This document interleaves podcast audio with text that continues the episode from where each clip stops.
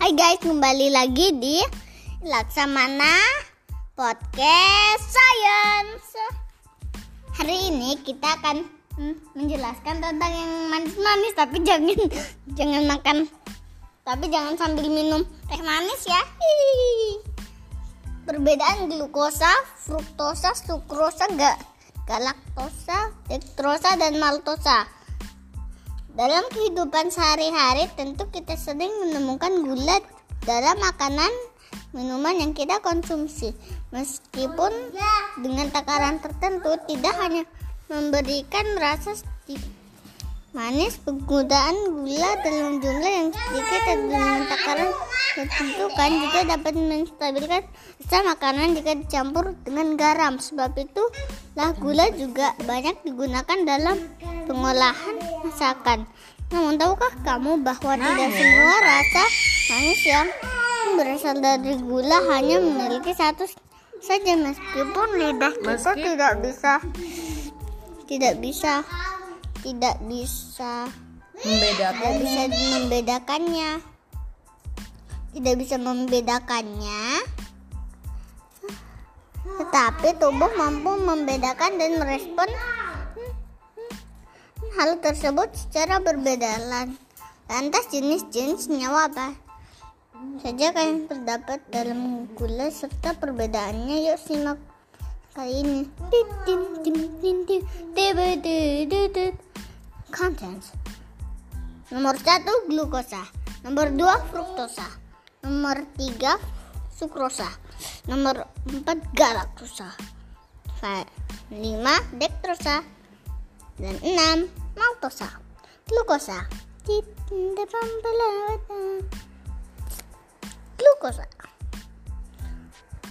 Glukosa adalah jenis suatu gula monosakarida yang termasuk dalam salah satu karbohidrat terpenting kandungan. Ini digunakan sebagai sumber tenaga bagi manusia karena tubuh manusia hanya dapat menyerap gula dan menjadinya sebagai energi untuk otot. Menjadi dengan cara menyerap glukosa yang terdapat dalam melalui usus halus kemudian disalurkan ke dalam darah gula yang berada dalam darah inilah yang disebut dengan gula darah nah, gula darah ini selanjutnya akan merangsang hormon insulin dilepaskan ke darah oleh organ bernama pankreas untuk menjadi tergula darah masuk dalam sel sel otot dan sel-sel hati untuk disimpan. Biasanya glukosa sering ditemukan pada makanan yang mengandung karbohidrat seperti jagung, kentang, gandum, dan singkong. Sedangkan pada makanan kemasan gula sudah diekstrak menjadi tepung jagung. Tapi ada juga yang dibuat menjadi sirup. Namun sayangnya, menurut data US Department of Lab, sirup glukosa mengandung vitamin dan mineral sehingga manfaat kesehatannya lebih sedikit dibandingkan glukosa alami. Fruktosa. Fruktosa berbeda dengan jenis gula lainnya karena memiliki jalur metabolisme yang beda. Fruktosa bukan fruktosa ini bukan sumber energi yang disukai otak dan otak.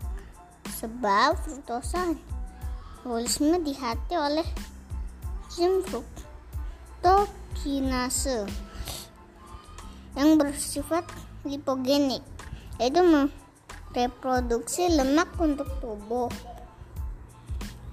Keberadaan fruktosa juga tidak merangsang produksi hormon leptin yang bertugas mengatur asupan dan pengeluaran energi itu. Sebabnya jika orang orang berlebihan fruktosa dikhawatirkan dari penumpukan lemak yang lebih cepat dibandingkan dengan kelebihan glukosa. Pemanis jenis fruktosa yang ditemukan membuah, madu, teh, tebu, bit, dan jagung. Maka tak heran jika kamu juga akan menemukan fruktosa berupa sirup jagung. Pemanis ini kini cukup sering dipakai pada makanan atau minuman. Tapi kamu perlu berhati-hati ter lonjakan gula darah. Jika terlalu sering fruktosa menurut beberapa penelitian kelebihan fruktosa dapat mengakibatkan rilis insulin type 2 diabetes obesitas penyakit hati hati berlemak dan sindrom metabolik. Bahkan jurnal pernah diterbitkan oleh PubMed tahun 2015 menyebut bahwa fruktosa dikalim sebagai pemanis sih yang paling berbahaya. Sukrosa sukrosa adalah nama ilmiah dari gula meja atau pasir. Hah? sukrosa adalah nama ilmiah dari gula meja? Meja pasir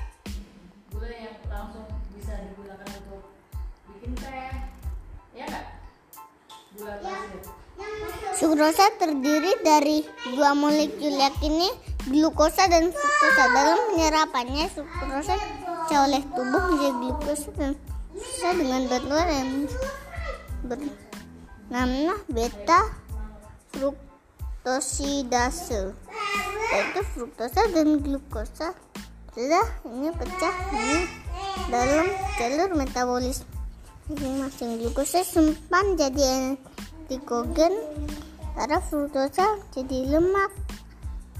Sukrosa alami bisa ditemukan dalam hmm, banyak jenis buah-buahan dan biji-bijian. Namun pemanis ini juga kerap ditambahkan pada makanan kemasan seperti permen, es krim, sereal, makanan kaleng, soda, dan minuman.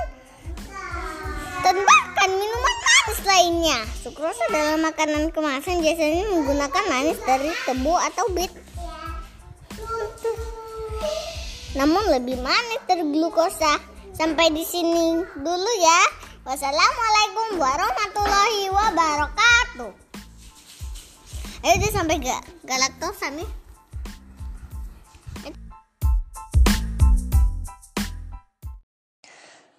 Dear Philip Detmer, creator of Gizzard, listen please.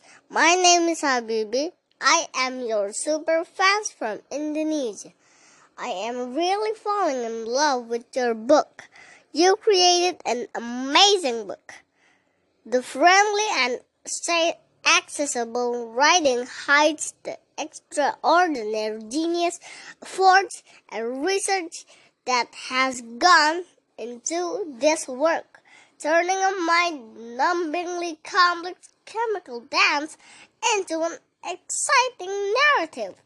I had some basic knowledge about the immune system, and this masterpiece provided a lot of insight I genuinely appreciate because it it allowed me to expand and recon- expanded and reconnected. Philip balanced the complex complexity of the concepts and process, making them to easy follow and image, may imagine, not an easy task. I think the narrative is straightforward and understandable. While reading, Philip's love for the immune system was evident, which I found priceless.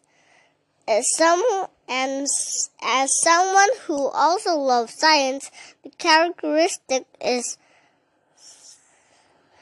is precious to me. This book successfully covers almost all the steps of the immune system and the wonder it is. I really want this book. Someone sells it here, but it's fake, so I got mad and had to have the original. Regards by Laksamana Bibi, six years old. I hope you're reading my message and you can say one uh, hope uh, read my message and you need to say one one English language in me, your book in in English.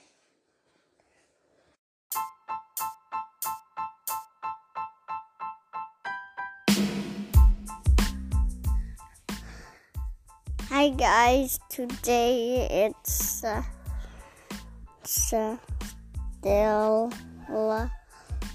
uh, morning here, early morning. So let's talk about some that is viruses. We have cold? Do you actually already have cold and then you uh, or, uh, have nothing? Okay. A cold is uh, uh, um, is um, what?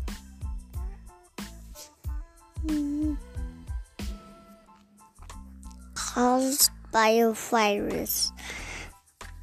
Our our cell have multiple cells, while viruses have one cell.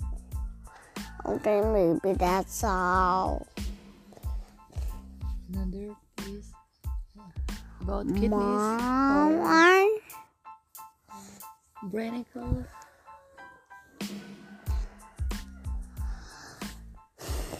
Mom, Let's talk about fun fact. I just scanned viruses. Okay.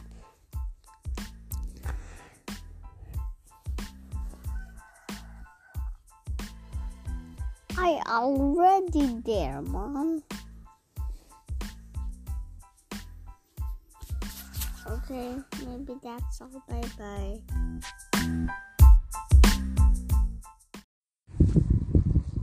Guys, kembali lagi di Laksamana Science.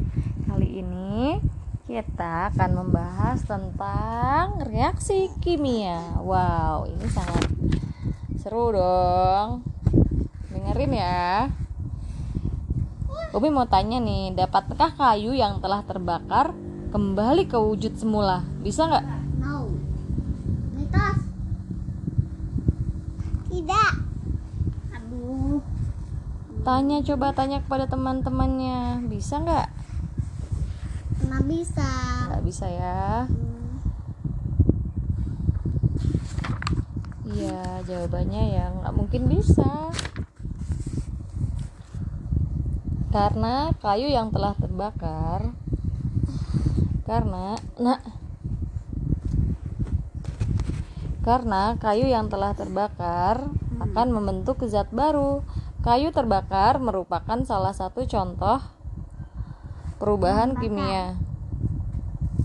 Perubahan kimia biasanya disebut juga dengan reaksi kimia.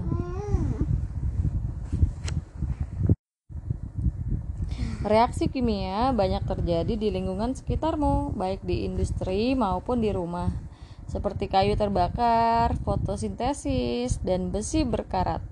Apabila kamu cermati, setiap reaksi kimia pada reaksi tersebut dihasilkan apa? Menghasilkan zat baru yang sifatnya berbeda dengan zat asalnya. Itu namanya reaksi kimia. Zat yang bereaksi disebut reaktan. Kalau membakar kalau membakar kayu ini dapat arang, tapi Umi nggak bisa mengakses searang itu lagi. Eh tapi kalau kita hisap semua arangnya terus setelah itu diakses di mesin yang sangat canggih, dia akan nah nah akan di ya lihat kan nih wujud asalnya. Masa sih? Iya. Hmm, gitu.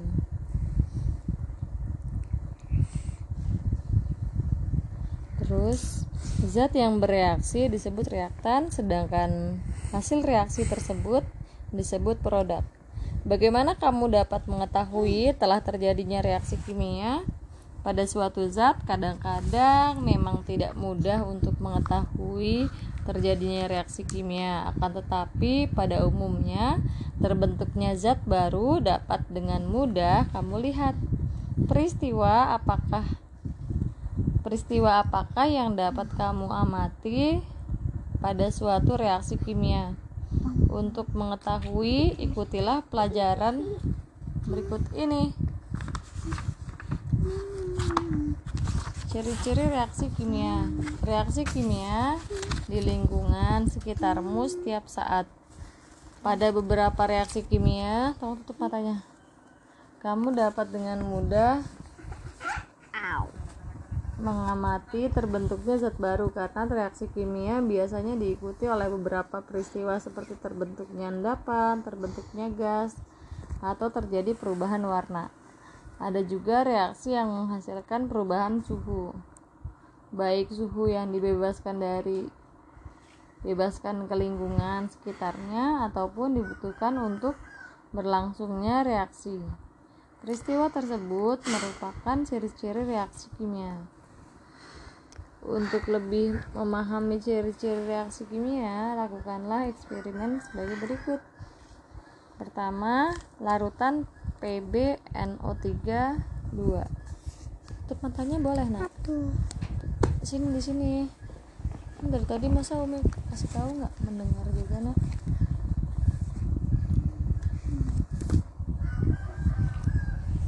Reaksi boleh nggak sih baring jangan dibuka, Nak? Banyak nyamuk kak. Ih. Reaksi kimia yang menghasilkan endapan. Pada eksperimen satu bagian satu kamu telah mengamati terjadinya reaksi kimia antara larutan PbNO3 2 dan KI biar biar kak. Aisyah lepaskan saya. Tolong baring nak Cinta Umi tolong baring boleh. Maksudnya kak itu kayaknya kalsium atau kalium iodin.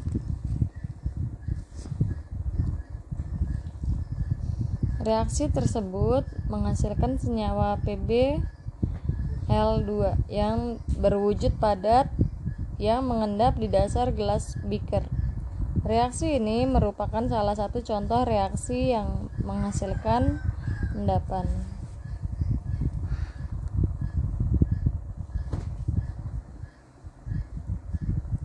Reaksi pengendapan merupakan reaksi kimia yang terjadi pada larutan yang menghasilkan zat baru yang berwujud padat.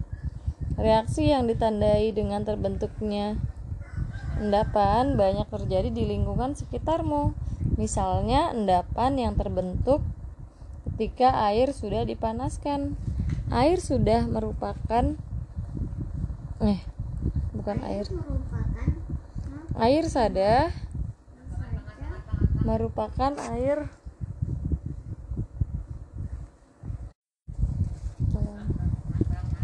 Reaksi yang ditandai dengan terbentuknya endapan banyak terjadi di lingkungan sekitarmu. Misalnya endapan yang terbentuk ketika air sada dipanaskan. Air sada merupakan air yang mengandung garam kalsium dan magnesium. Ketika air dipanaskan akan terbentuk endapan karbonat yang mengendap dasar alat masak. Coba kamu amati kettle uap di rumahmu. Apakah terdapat endapan? Jika ya, air yang terdapat di rumahmu merupakan air sada. Apakah kamu dapat menyebutnya reaksi lain? Coba reaksi apa, nih? Reaksi yang menghasilkan perubahan warna. Pada beberapa reaksi kimia terbentuknya zat ter, zat baru dapat dengan mudah diamati dengan warna produk yang ya Allah ngantuknya ya Allah. Sampai sakit kepala tidur lah ini mohon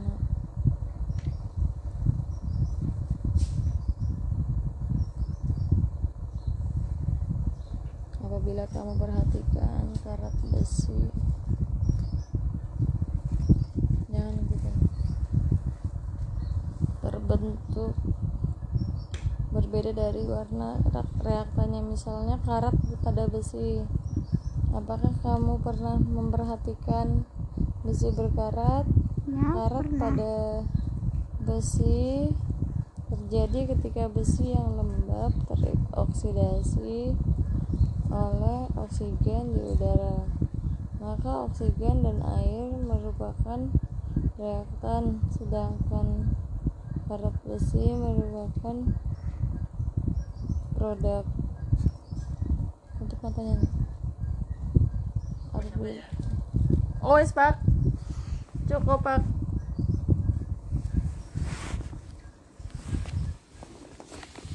Fotosin 3S serba serbi sains asap rokok. Asap rokok merupakan salah satu zat pencemar udara karena mengandung gas CO. CO. Gas CO berbahaya bagi manusia karena hemoglobin atau Hb darah lebih mudah berikatan dengan CO daripada oksigen. Itulah sebabnya orang bisa mengalami sesak napas dan hmm, dapat mengakibatkan pingsan. Oh tidak. Fotosintesis merupakan reaksi kimia yang terjadi pada tumbuhan yang bisa hijau daun. Reaksi ini terjadi dan terjadi ya, antara karbon dioksida dan air yang menghasilkan glukosa dan oksigen. Reaksi fotosintesis ini penting untuk seluruh makhluk hidup karena menghasilkan sumber makanan dan gas oksigen dibebaskan ke udara. Reaksi Reaksinya dapat ditulis dalam bentuk persamaan berikut ini. CO2 ditambah HO2 Bukan, H2O menjadi C6H12 O6 tambah O2. Gambar berikut merupakan contoh reaksi kimia yang menghasilkan gas. Dapatkah kamu menyebutkan contoh lainnya?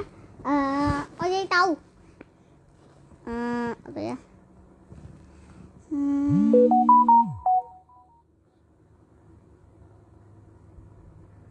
Hmm, oh iya, air mendidih. Air mendidih akan menjadi ya itu hmm, hmm, apa ya?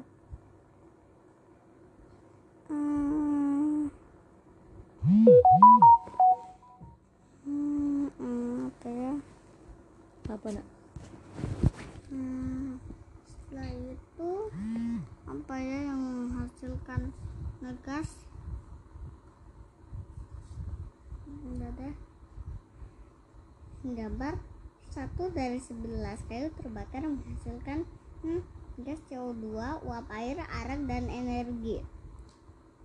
Nomor satu Gambar satu dari 12 pembakaran bahan bakar kendaraan bermotor kan gas karbon dioksida dan CO. Untuk lebih memahami tentang reaksi kimia menghasilkan gas, lakukan eksperimen berikut ini.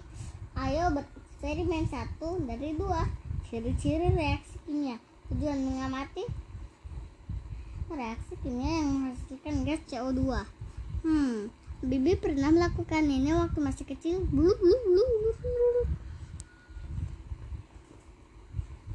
Sering niup niup itu meh.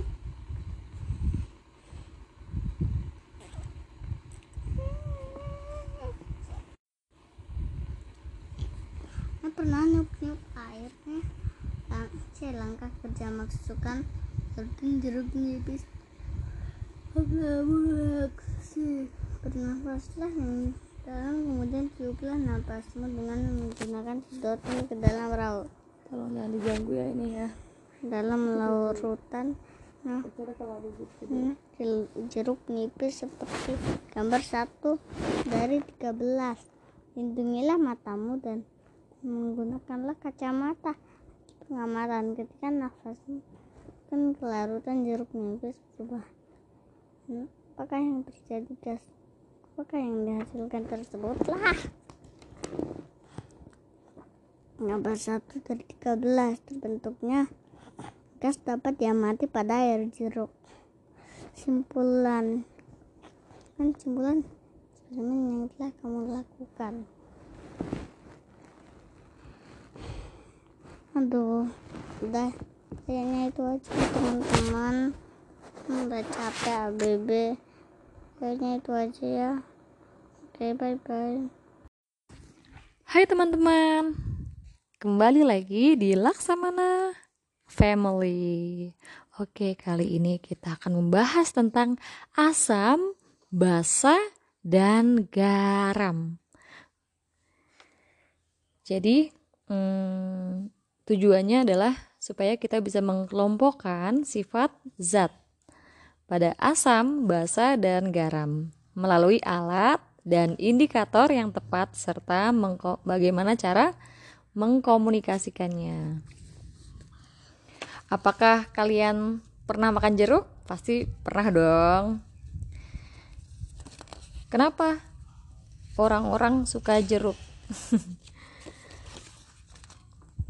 Kenapa coba? Karena jeruk itu seger ya. Dan apa sensasi yang kamu rasakan ketika kamu makan jeruk? enak ya Mm-mm, betul lebih enak terasa segar dan ada asamnya sedikit ya kadang atau kadang ada beberapa jeruk yang hanya manis saja jadi rasa asam pada buah jeruk ini dikarenakan buah ini mengandung asam sitrat pada buah jeruk merupakan salah satu contoh buah yang bersifat asam asam merupakan zat yang banyak ditemukan di lingkungan kita Selain asam, zat dapat digolongkan menjadi basa dan garam. Basa merupakan zat yang berbeda dengan asam. Basa dapat menetralisir sifat asam. Jika asam dicampur dengan basa dengan jumlah yang tepat, maka terjadi reaksi netralisasi. Maaf. Betul. Reaksi netralisasi. Reaksi ini menghasilkan garam dan air. Gas asam, basa, dan garam memiliki sifat yang berbeda. Bagaimana kamu dapat membedakannya? Apakah kegunaan asam, basa, dan garam? Untuk mengetahui jawabannya, ayo kita akan masuk ke sesi berikutnya. Kita akan membahas tentang asam. Asam merupakan zat yang bisa ditemukan di lingkungan sekitar kita. Di dalam kehidupan sehari-hari, baik pada makanan, di rumah, di industri, bahkan dalam tubuhmu sendiri. Jadi tubuh kita menghasilkan asam. Iya. di lambung. Betul, di lambung. Jadi apa saja sih eh, terdapat di mana sih asamnya? Nah, contohnya pada jeruk yang mengandung asam sitrat, pada buah apel mengandung asam malat, di anggur mengandung asam tartarat, pada air teh juga mengandung asam tamat. Asam tamat itu apa sih? Nanti kita akan membahasnya ya. Apa perbedaan asam tersebut? Terus dalam Minuman ringan juga terdapat asam karbonat. Dalam larutan cuka mengandung asam etanoat. Pada semut ketika dia menggigit kita, dia akan mengeluarkan asam format. Yogurt mengandung asam laktat dan lambung kita menghasilkan asam hidroklorat. Betul. Jadi dalam tubuh kita terdapat asam yang dihasilkan oleh lambung yaitu asam hidroklorat. Asam hidroklorat di dalam lambung berfungsi membantu pencernaan protein yang kita makan. Selain itu, asam ini juga berfungsi membunuh bakteri yang terdapat dalam lambung. Asam ini merupakan asam kuat yang dapat melarutkan logam. Meskipun demikian, asam ini tidak merusak lambung kita.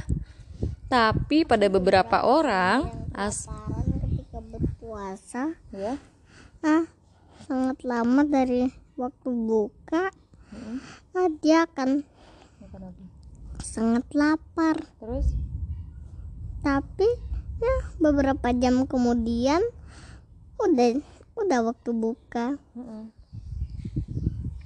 Tapi pada beberapa orang asam ini menyerang dinding lambung dan mengakibatkan pembusukan. Jadi agak ngeri juga. Jadi kita harus mengatur atau kita harus bisa e, menjaga lambung kita supaya tidak memproduksi asam hidroklorat yang berlebihan ya. Sesuai yang dibutuhkan saja Hmm, di sini Umi juga mau memberitahu kepada teman-teman kegunaannya. Seperti asam sulfat ini dia bisa digunakan sebagai elektrolit pada aki, bahan pembuat plastik dan pupuk. Pada asam nitrat ini juga bisa digunakan pada bahan pupuk. Asam etanoat digunakan sebagai pengawet makanan. Asam fosfat digunakan sebagai bahan pupuk dan mencegah karat pada besi. Asam banyak terdapat pada benda-benda di sekitar kita kan? Terus cara mengetahuinya gimana ya? Nah, kita akan membahasnya lagi dalam sifat-sifat asam. Semua asam berasa asam, rasanya asam. Seperti buah jeruk yang kita rasakan, yang asam itu yang tadi kita ceritakan. Jeruk terasa asam karena mengandung asam sitrat. Pada ras pada rasa asam ini dapat diketahui menggunakan indera perasa, tetapi mengidentifikasi sifat suatu zat menggunakan indera per, indera perasa tidak aman. Jadi tidak dianjurkan untuk teman-teman mencobanya. Maksudnya mencoba zat tersebut asam atau tidak karena sifat kedua ini adalah asam itu bersifat korosif. Meskipun rasa asam yang dapat dirasakan dengan lidah atau indera perasa, tapi kita tidak boleh melakukannya atau mengidentifikasinya dengan lidah kita, terutama pada asam-asam yang kuat, bersifat korosif, dan dapat merusak jaringan kulit kita. Selain itu, asam dapat bereaksi dengan benda logam yang mengakibatkan korosi pada benda logam tersebut. Oleh karena itu, kamu harus berhati-hati apabila bekerja menggunakan asam. Jika asam itu mengenai salah satu anggota tubuhmu, maka segeralah cuci dengan air bersih yang sangat banyak. Apabila tidak hilang, segeralah pergi ke rumah sakit atau dokter. Sifat ketiga pada asam yaitu membuat kertas lakmus yang berwarna biru menjadi merah. Dan sifat keempat pada sifat asam yaitu bersifat elektrolit. Jadi, sifat asam itu bisa menghantarkan arus listrik dengan baik. Selanjutnya, kita akan membahas tentang zat basa apa yang kamu ketahui tentang badan kotor? Ketika badan kita kotor kita harus melakukan apa coba?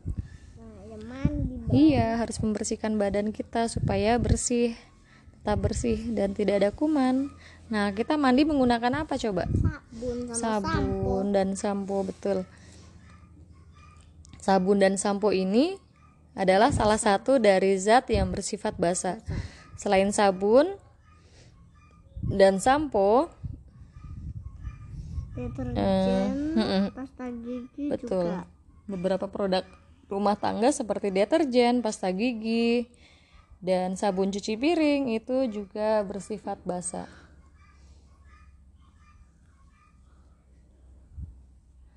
Zat basa, contohnya natrium hidroksida, ini kegunaannya adalah untuk membuat sabun dan deterjen. Kalium hidroksida digunakan sebagai bahan pupuk mengurang untuk mengurangi asam pada tanah. Kalium hidroksida yaitu sebagai bahan pupuk dan campuran semen. Basa amoniak digunakan untuk bahan pupuk dan cairan pembersih.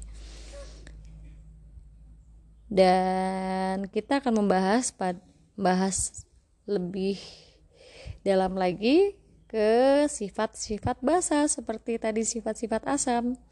Jadi basa ini terasa sifatnya adalah terasa pahit dan terasa licin seperti sabun. Apakah kalian pernah ketika sedang mandi terus tidak sengaja busanya masuk ke dalam mulut? Nah, iya, iya sangat pahit. Rasanya pahit.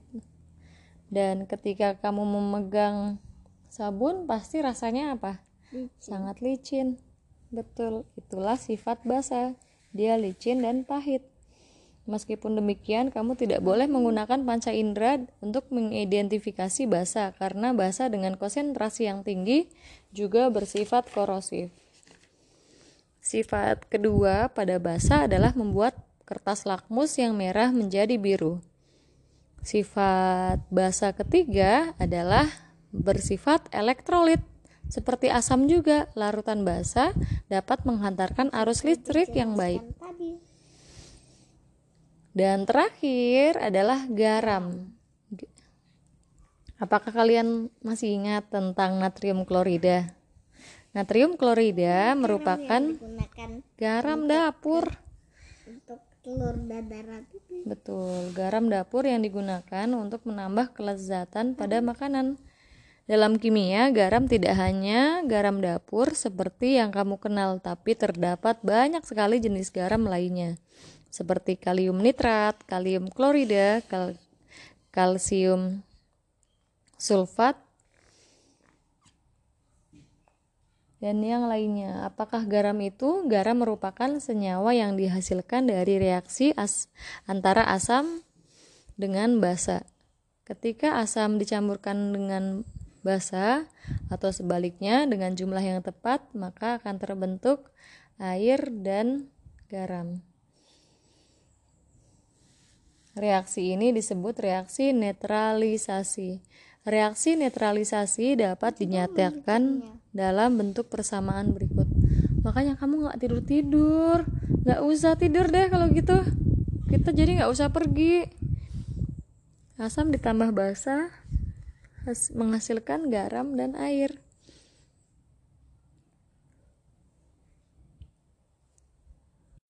Oke, sekian dulu teman-teman. Nanti akan kita lanjutkan kembali ya. Terima kasih banyak sudah mendengarkan. Semoga kita makin pintar.